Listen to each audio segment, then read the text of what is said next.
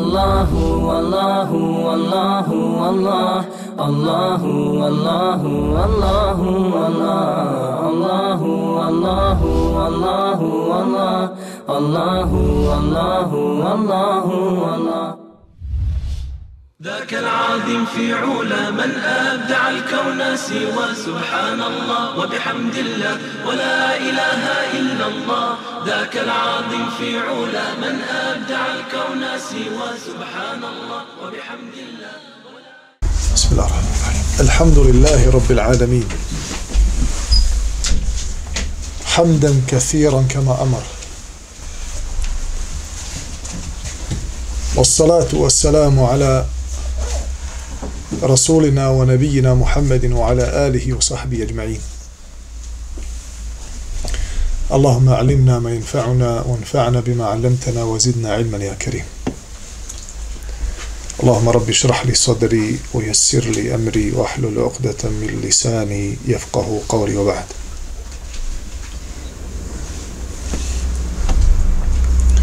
إمام بخاري رحمه الله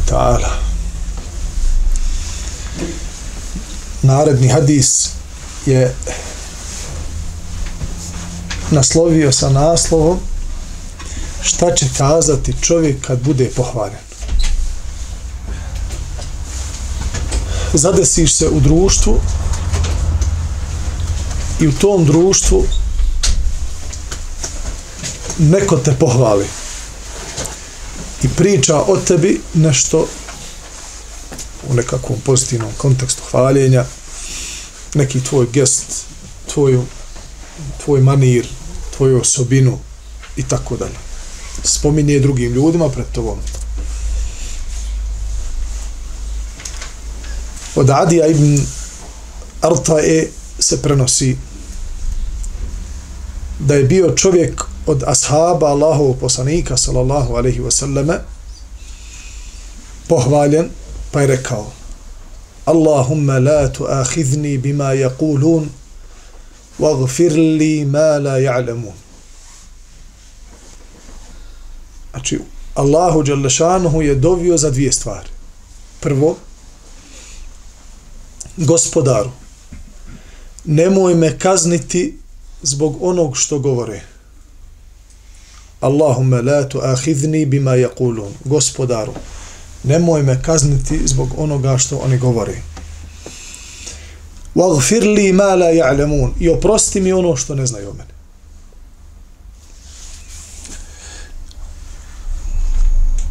Mnogi hadisi koji govore na ovu temu upozoravaju vjernika na štetnost slušanja hvalospjeva o samome sebi. Zbog čega? Zato što u jednom u jednom pogledu kaže Allahov poslanik sallallahu alejhi ve selleme kako je došlo vjerodostojno vi ste Allahovi svjedoci na zemlji misleći na ljude obratio se jednom ashabima kaže vi ste Allahovi svjedoci na zemlji kada je prošla dženaza pa su za jednu dženazu rekli pohvalili čovjeka na koji se nosio na tabutu, dok su drugu dženazu prokomentarisali po loše. Pa je Allahu, Allahu poslanik sallallahu alaihi wasallam rekao euđebet i za prvu i za drugu. Što znači kao tako će bit kako ste rekli. Pa su ashabi začudili zbog čega će bit onako kako ljudi pričaju u toj dženazi. Pa je onda rekao ovaj dio koji o, koji smo naveli sada, znači vi ste Allahovi svjedoci na zemlji. To jeste, vi ste ti koji ste te ljude gledali, s njima živjeli, sa njima trgovali, sa njima putovali, ženili se udavali i vi znate njihova stanja. To je s jedne strane. Sa druge strane, i te kako hvalospjevi znaju da čovjeka dovedu do do ivice njegove lične propaste. Jer nije mjerodavno nije mjerodavno šta će danas ili sutra za tebe ljudi reći. Mjerodavno je tvoj odnos sa Allahom Đelešanu. Jedini, jedina vaga na ovome svijetu koja tebe treba da, da zanima i koja treba da tvoju savjest budi, to je šta moj gospodar misli o meni. Kakav ja status imam kod gospodara svjetova? Pa, na primjer, kada je u pitanju iskrenost, da li sam ja kod moga gospodara upisan među iskrenima ili sam upisan među lažovima? Da li sam ja kod mog gospodara upisan među one koji mnogo Allaha zikre ili među one koji malo Allaha zikre? Jer to se sve nalazi, pogledajte, na primjer, istinoljubivost. Kaže, sallallahu alaihi wasallam, neće neprestano niko od vas govoriti istinu, sve dok od Allaha ne bude upisan među siddiqin. Znači, to su istinoljubivi, ljudi koji vole istinu. Allah ih upiše kod sebe da su oni takvi. I onda oni, to je njihova ličnost. Allah Đelešanuhu, znači, kroz tu ustrajnost, njihovu istinoljubivosti i izbjegavanju laži, upiše i među takve. Izgrade svoju ličnost na tome. Dok s druge strane, neprestano, kaže, sallallahu alaihi wasallam, će čovjek lagati u etaharra al kezib i stalno će, znači, služiti se tom alatkom koja zna nekad se maherski koristiti. Sve dok od Allaha ne bude upisan kao lažac. A što se tiče onih koji spominju Allaha mnogo i onih koji ga spominju malo, također postoje hadisi, a i kuranski ajeti koji govore na tu temu. Od zakirina Allaha kethiran, od zakirat. Allah hvali skupinu oni koji mnogo Allaha spominju od muškaraca i od, i od žena. Jer ljudi su danas spremni da te hvale, a sutra su još spremni da te kude. Ako ti svoju ličnost budeš formirao na osnovu iskazivanja ljudi, postoji velika mogućnost da ćeš zalutati. Ako te budu hvalili stalno, postoji mogućnost da ćeš opustiti se u tom smislu, da nećeš više kontrolisati svoju svoja djela, svoju iskrenost, svoje namjere, svoje stanje, pa ćeš odlutati u valovima, povućete valo i hvalospjeva prema tebi u dubine koje neš moći izdržati. S druge strane, imaju ljudi problem da padaju u depresiju, da ne vide više ispred sebe nikakav put koji ih vode ka, ka nekakvom ka nekakvoj budućnosti koja je svijetla. Zbog čega? Zato što su pali u ovu drugu zamku. A to je zbog nečega ljudi su krenuli leđa ili određeni dio ljudi ili dvojica, trojica, društvo krenuli od nekoga leđa. Ne znam, zato što je pogriješio ili. I on pada u tu zamku, zašto? Zato što je već prije bio pao u tu zamku njihovog hvala, to, brate, mašao, ti si. Ono dana kad smo krenuli leđa, on smatra tog dana da je pao cijeli sistem. Nije, brate moj. Nemoj da ljudi budu mjerilo tvoga stanja, imanskog, tvog stanja kao dobrog čovjeka. Allah Đerlešanuhu jedini poznaje naša stanja. Zato je veoma opasno baviti se ljudskim srcima. Veoma opasna disciplina onaj koji je dovoljno hrabar da se bavi tom disciplinom gledanje ljudska srca, on je pravi junak. A to junaštvo često nema povratne karte. Kad se ide naprijed u to junaštvo, često taj junak toliko duboko ode u bojni polj da izgubi glavu. Jer će prokomentarisati Muju, pa će Hasu, pa će Mustafu, pa će ovoga, pa će onoga i onda ode daleko i jadnik izgubi se u tome. Allahu moj, nemoj me kazniti zbog onoga što oni govore i oprosti mi ono što oni ne znaju o meni. Da, da napraviš balans tačno i u toj situaciji u kojoj se nalaziš kada ljudi kažu broje tvoje, tvoja dobra djela. Pa čovjeka ponese, mi smo to već prije spominali, da ne postoji insan na zemaljskoj kuli koji ne voli da mu ljudi kažu da je dobar, da je plemenit, da je dobročinitelj. Znači, insan voli da ga neko pohvali. Međutim, Allah Đelešanuhu je spustio mizan. Allah voli od svojih robova da u svemu se drže sredine.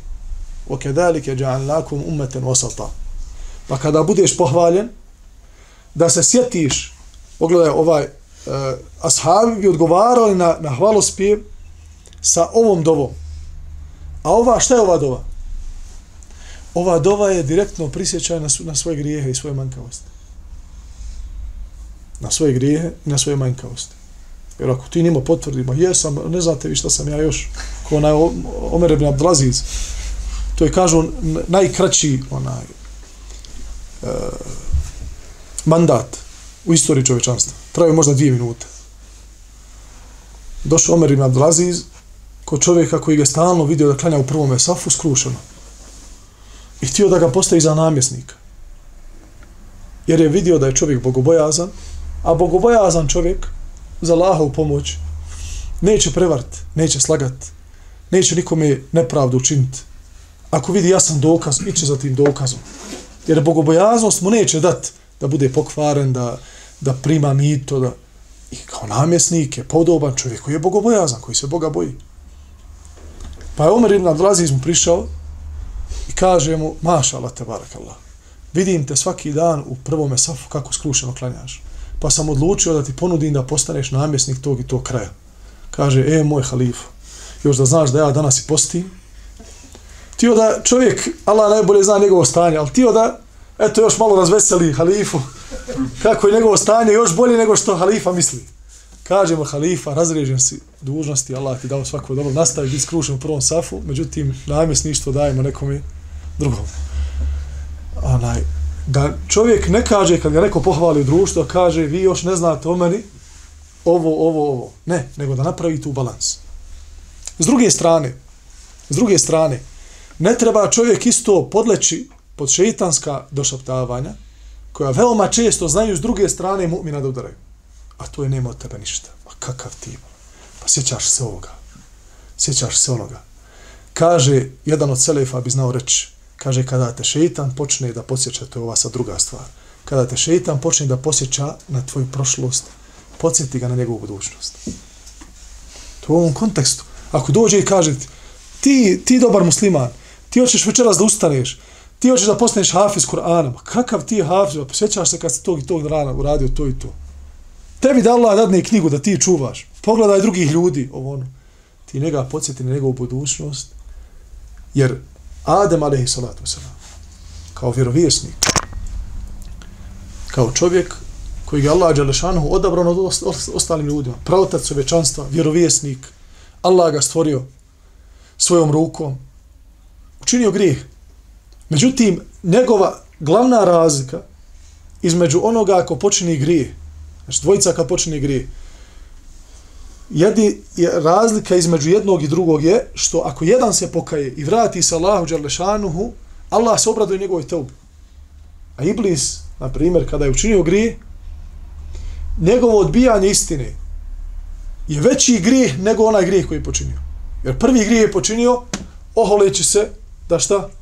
On neće, šta ja imam seždu, onaj, da, da činim onome koga stvorio od, od glinovače. Ja sam, već imam iskustva, već sam u društvu meleka, imam taj rating, imam znanje, znanje. On je tek stvoren, ništa nije uradio. Pa kada ga je Allah pozvao i kada je odbio, i kada je dobio šansu da se pokaje, odbio je istinu, odbio je Allaha Đelešanu. Pa je na taj način udaljen od Allahove subhanahu wa ta'ala milosti. Jer Iblis, poput Adema, učinio je grije kao što je Adem učinio. Da se nakon toga pokajao, ne bi ga Allah izveo svoje milosti. Ne bi ga istirao iz dženneta. Što znači da ako si se pokajao za neki grije, nemoj dozvoliti šeitanu da taj grije natovari na tvoja prsa i na tvoja pleća, kako bi bio dovoljno jak da te zaustavi da da napreduješ u dobrim dijelima, da budeš progresivan musliman i da širiš uz Allahu pomoć Allahu subhanahu wa ta'ala ajete i njegovu istinu. Nemoj to sebi dozvoliti. Kao što s ove strane treba držati mizan, kad te ljudi hvale, s druge strane, ako šeitan ili sam tvoj nefs počne se igrati s tobom, pa ti vidiš da taj teret tebe onemogućava da radiš dobra djela, skini to z dnevnog reda prisjeti se da je Allah subhanahu wa ta'ala milostiv, da prašta grijehe i da Allah Đelešanuhu se raduje pokajniku kada se pokaje i da, kao što kaže Ibn Qayyim rahimahullahu ta'ala, postoji grijeh, znači uh, rubbe zembin, možda kaže grijeh koji čovjek učini, bude bolji od dobroga djela. U kojoj situaciji? Ako te grijeh koji učiniš navede na pokajanje iskreno i na suzu koju će spusti Allahu Đelešanuhu zbog gorčine tog grijeha koji si počinio i kajanja, to je bolje od dobrog dijela koje kada ga učiniš uzoholiš se i kažeš alhamdulillah u mahali nema bolje od mene, ja sam jutro ne znam, dao tri marke na Allahom putu, a vidi moj, Osmar djela, on je dao cijeli svoj metak, Ebu Bekr cijeli svoj metak. Pa opet su se hvatali za glavu, hoće li mi Allah oprostiti, kaže Omar djela, on da znam da će mi Allah primiti dva rekiata na file, bio bi najsretniji čovjek na svijetu. Pa insan izvadi dvije, tri marke dnevno, pa onda hoda čaršijom, konta, on je najviše dao na Allahom putu.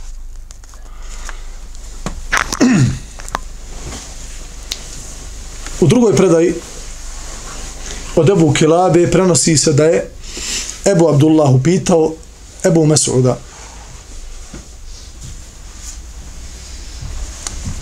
šta si ti čuo od Allahovog poslanika sallallahu alaihi wasallam da govori o jednoj stvari koju ljudi često posežu za njom, a to je zaam. Zaam na arapskom jeziku znači da nešto tvrdiš bez jasnog dokaza. Nije jasno, međutim, ti zbog nekih svojih svatanja i načina razumijevanja određene situacije, nekog propisa, kažeš ene ezumu ennehu hakeza. Ja smatram da je to tako i tako. Pa je rekao, kaže, čuo sam Allahu poslanika, sallallahu alaihi wasallame, da je na to rekao, bi se matijetu rađul. Loše je to sredstvo za dokazivanje da čovjek kaže ja smatram da je to tako i tako, pa vama orlo gorlo. Pogotovo što sljedeći narodni rivajet govori o tome koliko je opasno tu svoju tvrdnju pripisati Allahu Đelešanu. Kako? Da kažeš da nešto tvrdiš, ali ipak Allah najbolje zna, kaže, Allah zna da je to tako. Znači, ponekad ljudi posegnu možda napola zna nešto, možda ne zna, kaže, Allah zna, shodno njegovim nekakvim sada feedbackovima i njegovoj, njegovom načinu razumijevanja, kaže, Wallahu ja'lamu annahu zalik. Kaže, Allah zna da je to tako.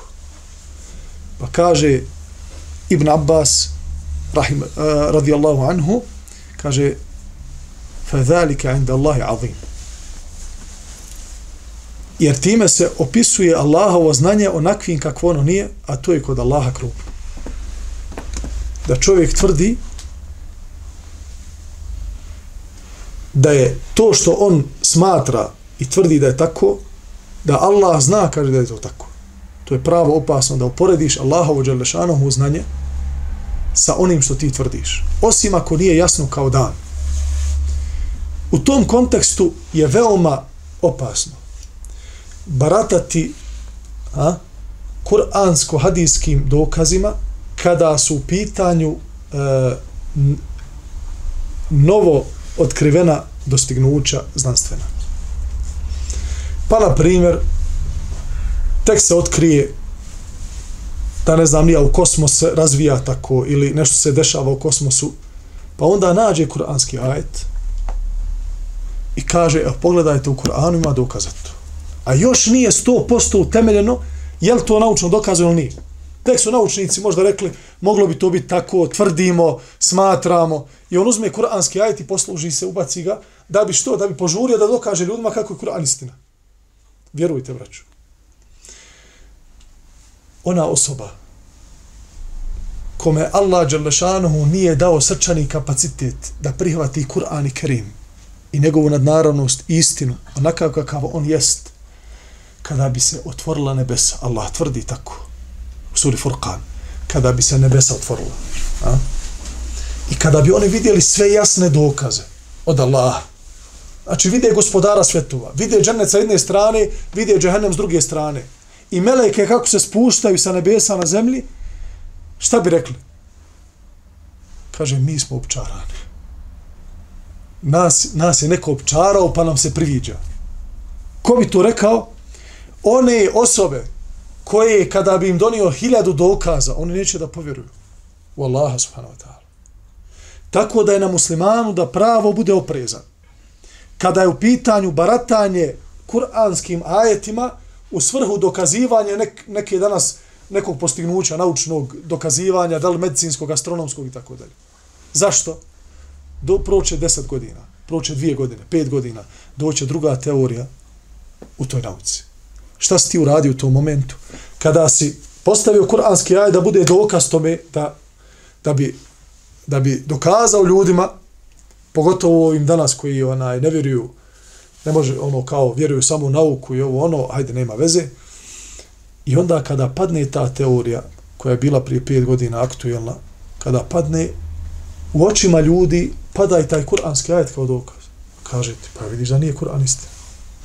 Jer ti si uporno tvrdio prije pet godina da je to što su oni pronašli u Kur'an Kerimu se nalazi. Pa kada padne ta teorija, u očima ljudi padne i taj ajet. I šta se onda napravio? Napravio si belaj. E zbog toga je veoma bitno kada se znači, govori u ime istine. Zato Ibn Qayyim rahimahullahu ta'ala napisao cijelu knjigu I'lamul muwaqi'in an rabbil alamin. Proglas potpisnika onih koji potpisuju u ime gospodara. Njihov proglas. Ko su ti koji potpisuju ime gospodara na ovom svijetu? Ulema islamski učenjaci. Zato što je ulema, kao što je došlo u hadisu, warafetul enbija, nasljednici Allahovi poslanika. I alim, alim je taj koji će reći da je Allahova vjera tako i tako. I opet će nam reći, Wallahu a'lam, Allah je naj, najznaniji. Ali islamski učenjaci govore o Allahoj vjeri. I zbog toga je veoma bitno da čovjek zna od koga uzima vjeru. I da zna kada govori o vjeri, da bude onome što on govori u tom trenutku, da bude 100% siguran. Ako ne zna, najbolje reći ne zna. Jer reći ne znam je pola znanja. Reći ne zna u nekoj situaciji je pola znanja.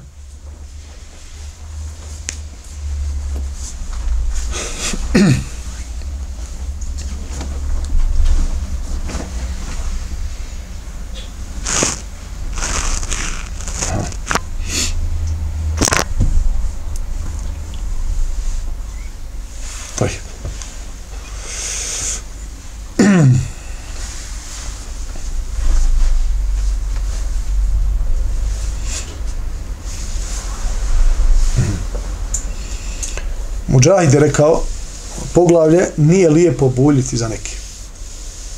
To je čovjek nekoga prati s pogledom i da bulji u njega pratijeći njegove pokrijete i njegove, njegove radnje. Mujahid je rekao, ružno je da buljiš u nekoga ili da ga pogledom pratiš kada se okrene ili da pitaš odakle je došao i gdje ide. Ide čovjek prema tebi, brat musliman znaš ga. Ti ga sretneš, on je krenuo negdje. Ili ide odakle?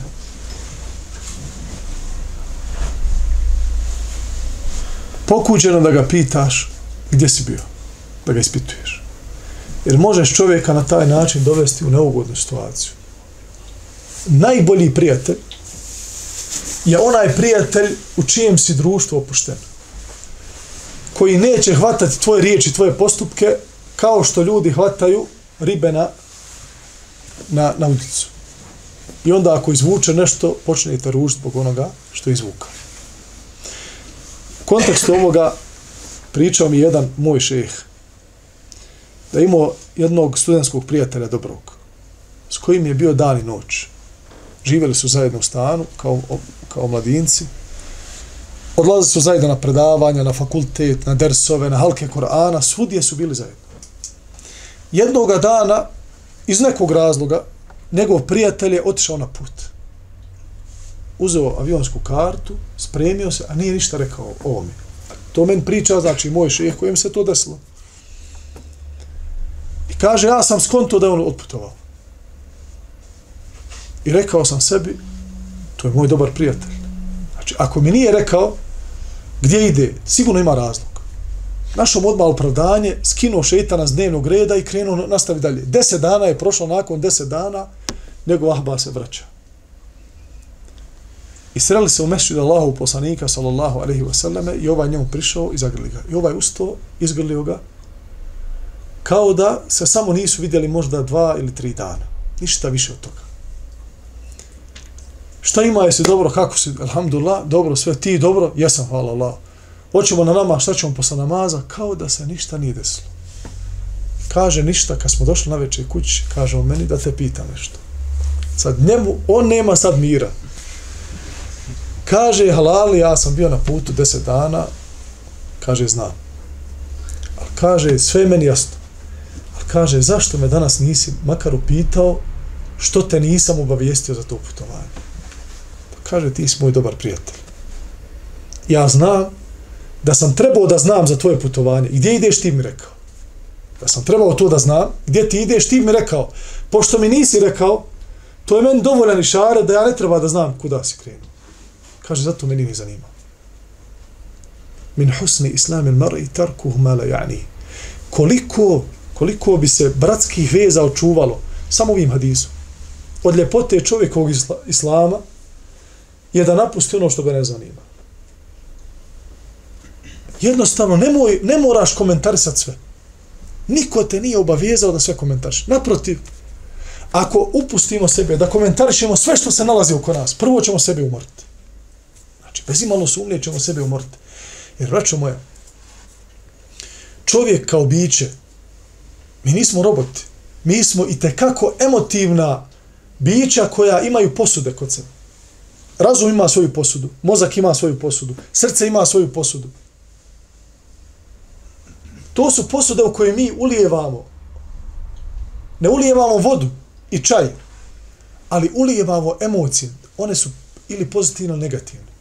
Ulijevamo energiju ili pozitivno ili negativno. Pa onim čime se hraniš, ono što gledaš, ono što slušaš, ono što komentarišeš, to je to što ulazi u te posude.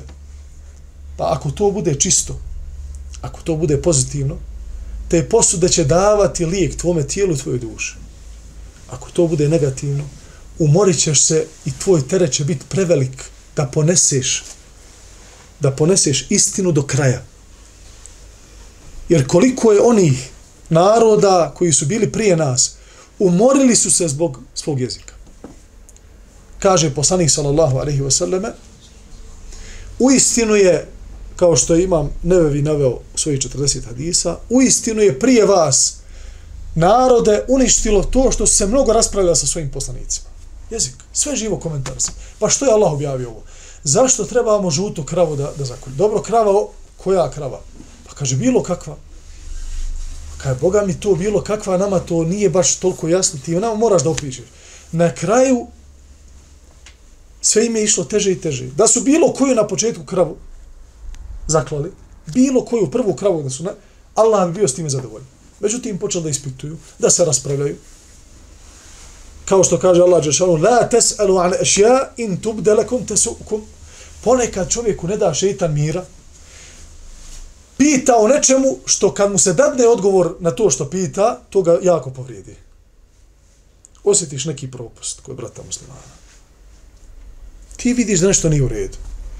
I još usput priđeš mi i kažeš, brate, šta je? I onda to on zdrma sa rečenicom koja bolje da te grom pogodi nego da, te on, da te on tom rečenicom nije onaj plasirao. Da ti nije plasirao u, onaj, u tvoj glavu. Ali ti si sam izazvao to. Allah Đelšanu kaže, nemojte pitati o onim stvarima. Ko kada vam se dadne odgovor o tome, to će vas puno ražalostiti. To je baš šeh Safet spominjao jednom gore u, na zapad. Okupili se ljudi, 80% njih na socijali. Kaže šeh, koji je propis socijale? Nemojte me, kaže, pitati o stvarima koje, kad vam sad dadnem odgovor, kaže, izaćete ovdje spušteni glava. Znate vi dobro koji je odgovor na to. Znači, nemoj stvari zagorčavati više nego one što jesu gorke. Jer to osobina umeta Muhameda alaihi salatu wasalam jeste da, da puno ne zapitkuju. Židovi su stvarno zapitkivali. I taj njihov jezik, Kaže Allah i opisu, opisuje.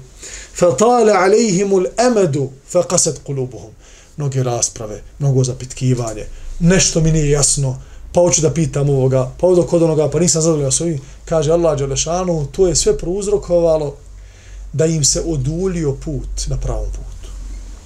Dugo im postalo, teretno. Zašto? Zato što nisu refrešovali one svoje posude.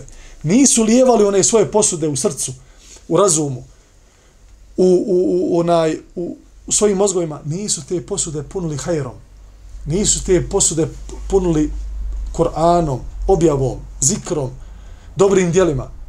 Punuli su raspravama, punuli su zapitkivanjima, komentarisanjima. Pa je Allah dao da im se oduljilo. فَطَالَ عَلَيْهِمُ الْأَمَدُ فَقَسَتْ قُلُوبُهُمْ Kaže Allah Đelešanu i opisuje, pa im se pravi put učinio dug. Pa na tom putu, dok su koračali, izgubili su elan za radom. Pa im srca postala kruta. Zašto ljudi, zašto ljudi ostavi pravi put? Zato što im je gorak.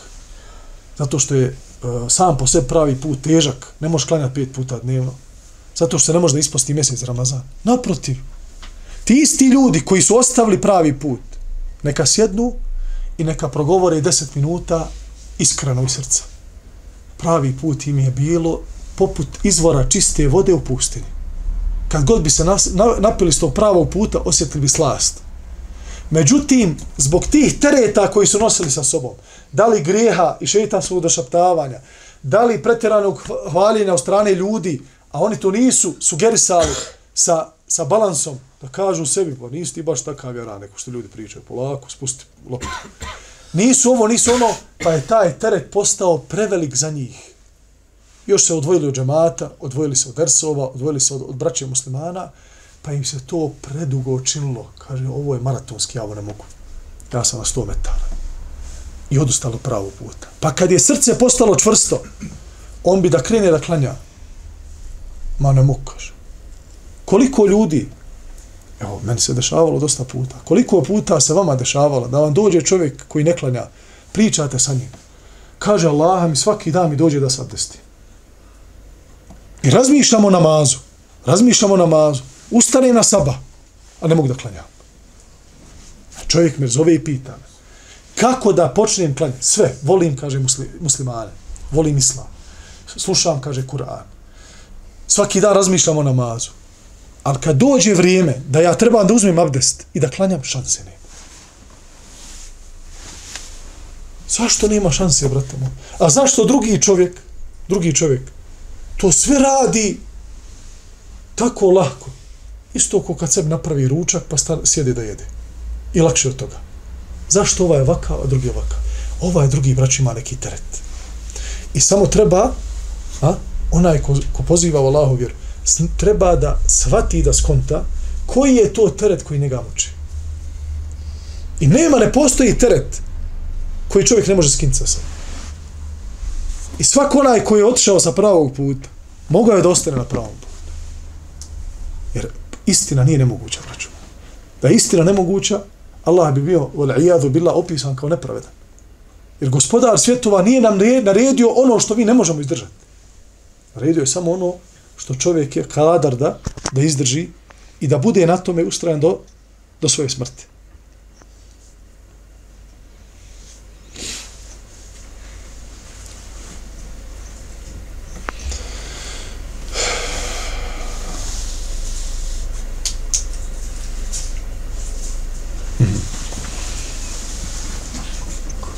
Dobro.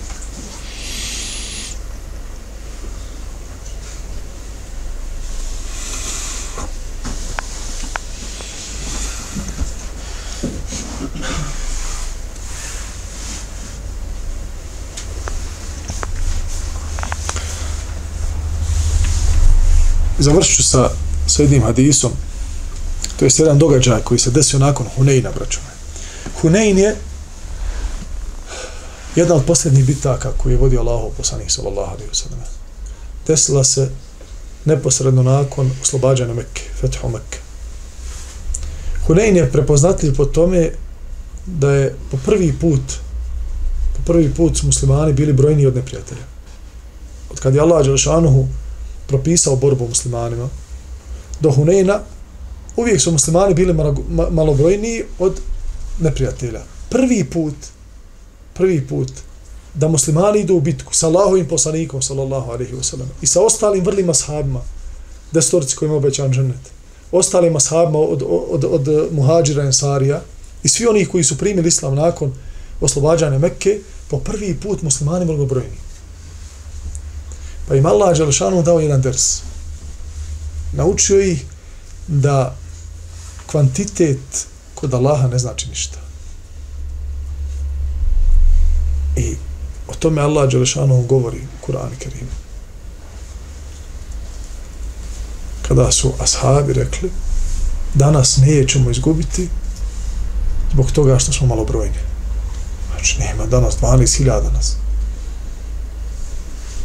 Fadakat alehim znači, toliko im se skupila zemlja u jednom momentu da nisu znali gdje će ići. Zanadio je neprijatelj. Pa je Allah Želešanu podučio jednoj lekciji da je pobjeda u Allahovim rukama.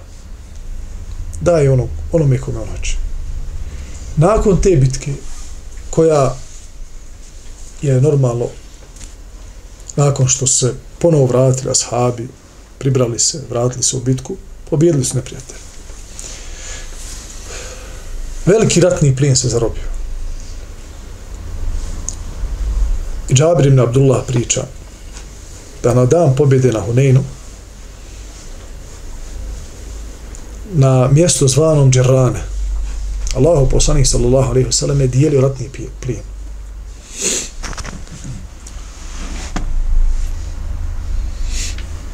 A Bilal u svom naručju je držao Tibr.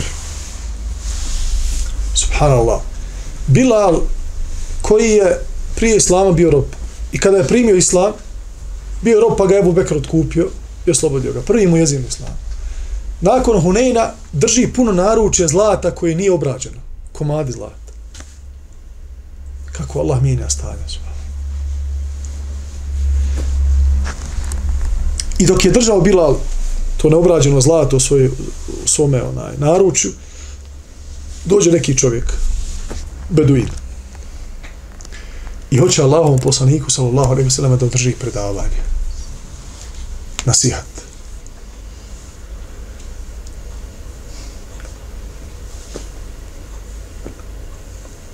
pogledajte ove, ove riječi u osnovi jesu listina da kažeš nekome budi pravedan. Šta fali nekome reći da bude pravedan? Pa iako je pravedan recimo budi pravedan tako? a nije, kako ćeš to? Pogotovo Allahom poslaniku. Ili dođeš nekom islamskom učenjaku. Pogriješio je, evo Allahom poslanik ovdje nije pogriješio. Ali dođeš islamskom učenjaku koji je pogriješio. Ti njegov učenik, deset godina. Ti mu kažeš boj se Allaha podučavaj ljude samo istinu. Šta si ti tu napravio? U osnovi kad kažeš čovjeku boj se Allaha, što mi treba se bojimo Allaha. I podučavati ljude samo istini je obaveza, stroga. Ko to zaniječe, ko kaže ne treba ljude samo istinu, treba malo i šarat, što fali provući. A šta je čovjek? Ili je, ili malo, ili nisu svi onaj, kleme nisu, nešto je presječeno, ili se šali. A što trećeg nema. Ili govori ironijom, što sam bio na jednoj hudbi, i Efendija počeo da priča, ja sam, Allah mi pola hudbe konto da čovjek priča e, ironijom. Da hoće, da želi da na jedan specifičan način skrene pažnju onima koji slušaju, da to što on govori nije u redu kaže, jesu subhanallah, kaže, pametni oni koji dođu u džamiju samo za Ramazan. Dobro, da, da čujemo dalje. Kaže, oni poznaju dobro matematiku. Znate za hadis da je Allah poslanik sallallahu sallam rekao da onaj ko klanja farz toku mjeseca Ramazana kao da je 70, iako taj, taj rivajet, Allah najbolje zna, 70 farzova klanjao van Ramazana. A onaj ko klanja na filu kao da je farz klanjao kaže mi cijeli, cijelu godinu dolazimo kaže u džamiju mučimo se. One dođu, kaže, samo za Ramazan i doklanjaju teravije pet vakata u toku Ramazana, kaže, imaju nagradu kod da su cijelu godinu klanjali. Ja ništa, mislim, sjedim ja ra, ono, ravnodušno, ništa se kod mene ne dešava unutra, zato što ja zaista smatram da je čovjek dovoljno znao o islamu, da to sve ironično govori, da će na kraju reći, e, malo sutra. Nije to tako, pa nije gospodar, Allah Đelšanu samo gospodar Ramazana. Pa dobro, postoji mudrost, ako su određena djela u Mekki, vrijednija nego van Mekke. Ne znači to, ako ću ja otići na umr na hađ i klanja tamo i sto hiljada namaza, ima za jedan namaz, da ja dođem onda kući izvalim se ko hađija, znači ono kod nas hađija kaj. I noge uz duvar, ne klanjati nikak kad dođem kući. Ja sam naklanio 20 dana, bio na hađu, izračunam na digitru, narednih 20 godina ne trebam ni jednog rekiata. Ljudi, to je... Znate ko može ovako samo da svata vjeru? Ko nije Mekteb prošao. Ko nije Mekteb, znači Mekteb. Kod Efendije lokalnog. Nije prošao. A kamo li šta drugo? A ovaj čovjek je na mimberu. Ahmedija na glavi. Ja rabbi se mavat, ja sam onda na kraju shvatio da tu nema ironije. Tu taj čovjek postiče taj džemat da budu u Ramazanu, mašala te barakala, nakon Bajrama, kud koli, koji, mili moji. I sad, ja sam zbunjen bio sigurno do kraja dana, ako ne i dva dana. Ali do kraja dana sam bio zbunjen, 100%. Ne mogu sada, po, pokušavam da mu nađem, takav sam osnovi, pokušavam da ljudima nađem opravdanje. Ali evo, kako god okrenemo, kako ću naći opravdanje čovjek koji kaže, ako klanjaš u mjesecu Ramazanu, samo to i to, poklopio si. Još, čak ja mislim da ima premija. Ako sve klanjaš da, da si prekucao godinu. Ima viška. E, reko, subhanallah, taman sam pomislio da sam sva čuda svijeta čuo. Ovako ove anegdote, ovo neke rasuridin hođa i to. Ali kad sam ovo čuo, rekao, ovo je novo nešto, ovo moram zapisati. Tako i ovaj čovjek došao kaže, o Muhammede, pravedno dijeli, fa innaka la ta'dil. Ti u istinu nisi pravedan. La haule wa la kuvvete illa billah. La haule wa la kuvvete illa billah. Kome si jedniče došao? Došao Allahom poslaniku i kaže to. I'adil ja Muhammed fa inneke la lan ta'adil. Kaže mu poslanik sallallahu alejhi ve sellem: "Vejhak, teško se tebi." Pa ko je pravedan ako ja nisam pravedan? Pa je Omer radijallahu anhu bio u toj blizini i čuje. Kaže Allahu poslaniče, daj mi izvan da ovom munafiku osjećam glavu. Jer to su riječi, braćo moja, koje, koja nemaju, evo, znači, hajde pokušaj naći on čovjek opravdanje. Pokušaj naći opravdanje kćerci koja kaže svojoj majici nakon što se porodi, e, moja majka, ti znaš kako je rod dijete. Daj neki tevil, daj, daj mi neku metaforu preko koje će, preko ova, ova djevojka ili ova žena, nova majka, kad je rekla o svojoj majici, nije znala šta priča. Ili da sin nakon što napuni 18 godina kaže, e, babo moj, što sam te trpio, trpio sam ima volajadu bila očeva da Allah sačuva. Koji piju, lumpuju, koji terorišu svoju djecu, da nas Allah sačuva toga. Ali babo koji ujutru, šest ujutru ustane, da cijeli dan radi, da bi ti donio komad ljeba i školu te. I ako nemaš obuću, kupio ti. I jaknu ti kupio. Pa ti drva donio. Pa se znao s tobom poigrati pa ne smiješ mu reći do kraja života, a fela takul lahuma uf. Nemoj ufret svom babi majici. Kamo li šta drugo? Kamo li prkos? Kamo šta ćeš ti? Pa kaj on, on, brate moj, daj mi pola riječi u islamu gdje ti smiješ svome babi reći šta je. Kaže on ne klanja.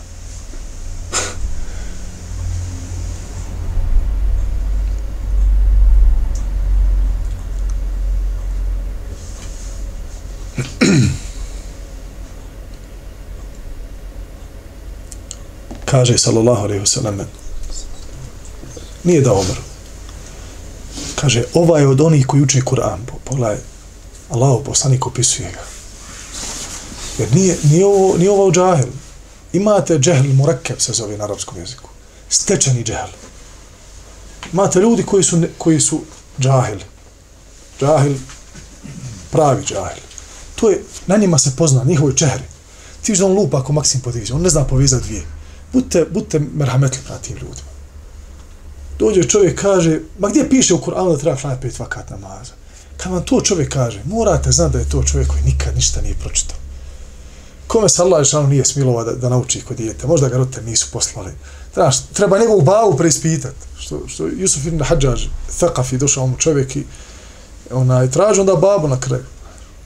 Traži, do, dođi babu, kaže da, da, da njega ona išiba.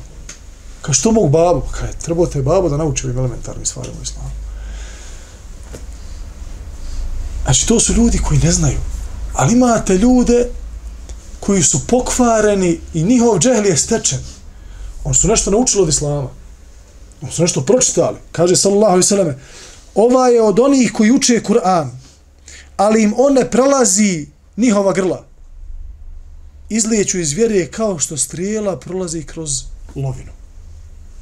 Kad zategneš dobar luk, dobra strijela i opališ i kako prođe kroz, kroz jelena, kroz lovinu, onaj, strijela, tako on izlaze iz vjere. Ko metak. Zašto? Zato što takvi ljudi uče Kur'an da bi nekom drugom nešto dokazali. On uči dokaze kako bi imao dokaz protiv tebe. A ne uči islam da on uđe s tim, s tim islamom u džene, da bude bolji čovjek sutra. I koristi istinu u svoje lične koristi, kao što, što su došli Haridžije kod Ali radijallahu anhu, kada je držao hudbu i naredio da se postavi sudija, hakem, između vojske Ali radijallahu anhu i vojske Muavije radijallahu anhu. I da im presudi. Pa je došao jedan Haridžija i kaže, o Alija, nećemo ti biti pokorni sve dok se ne vratiš Allahov vjeru. i ti si kafir. Zašto sam ja kafir? Zato što se kaže, uzeo nekoga mimo Allaha za sudiju. A Allah u Kur'anu kaže, inil hukmu illa lillah. Samo Allahu jedino pripada sud. Samo on može da sudi. A ti si rekao da ćeš ti od ljudi naći hakem. Ista riječ. Hakem znači sudija, čovjek koji će prosuditi među njima. I kad, se, kad, kad bude hukum, kad je hukum, nakon toga ne možeš reći ja ću drugačije. To ti postaje obaveza. Kaže Ali radi Allahonu, ovo što on govori je istina sa kojom se želi laž. Ovaj čovjek je naučio Kur'an, on uči Kur'an, ali taj Kur'an koji uči ne, ne slijedi njegova bogobojaznost koja mu ne da da koristi kur'anske ajete kako je barato ljudskim životima. I kaže, ovo je riječ istine s kojom se želi laž. Zbog toga je najgora osoba. Čovjek koji ima znanja pokvaren. To je najgori čovjek. Pokvaren učenjak, to je najgora opcija spoj koji ima pod nebeskim svodom. Jer on zna, a pokvaren. Na znam šta on, šta on onaj u stanju da uradi. Koji hemijski sustav, šta on može da pomiješa od istine i neistine, pa da ti servira da se otruješ za dvije minute. I tako nam je omladna neka je otišla i zalutala i prolupala i spremna je sutra da, da, da, da, da na brata muslimana digne ruku i dizali su neki ruku i tako dalje. I ubijali muslimana. Zbog čega? Uprljalo im se. Cijeli sistem se uprljao. Pa ovakvih ljudi bilo, braćo moja, u doba lao poslanika, sallallahu alaihi Omer ga sluša, Ebu Bekr tu, Alija, Osman, ostali ashabi, nakon Huneyna, istina, cvate, Allah poslanik dijeli ratni plijen, vraćaju se za Medinu ponosno. Dolazi čovjek, kaže, budi pravedan o Mohamed. Ko on sad nešto. Ti dođeš svome, svome onaj, profesoru, svome učitelju i ti mu držiš predavanje kako on treba da bude. Braćo moja, postoji nešto što se zove edeb. Postoji nešto što se zove moral muslimana. Zbog toga smo mi uzeli u knjigu da se podučimo kako to musliman treba da se ponaša. Kako jedan musliman treba da da ima odnos prema svojim roditeljima.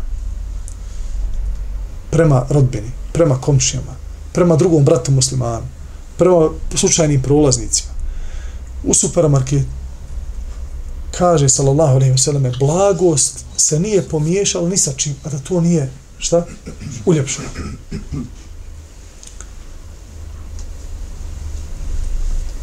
a grubo se nije pomiješala ni sa čima da ga nije upropastilo imate danas ljude koji pozivaju zabludu.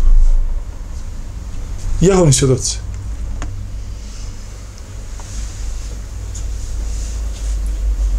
Onaj ko imalo zna nešto u vjeri u islamu, vidjet će da oni pričaju zaista nešto što je totalno nepovezano. Imaju neke bajkice, prelijepe knjižice za, za malu djecu, ofarbanu hiljadu boja, ti to kad uzmeš, tamo jeleni, ne znam, nija lavovi zajedno, sve to okej. Okay.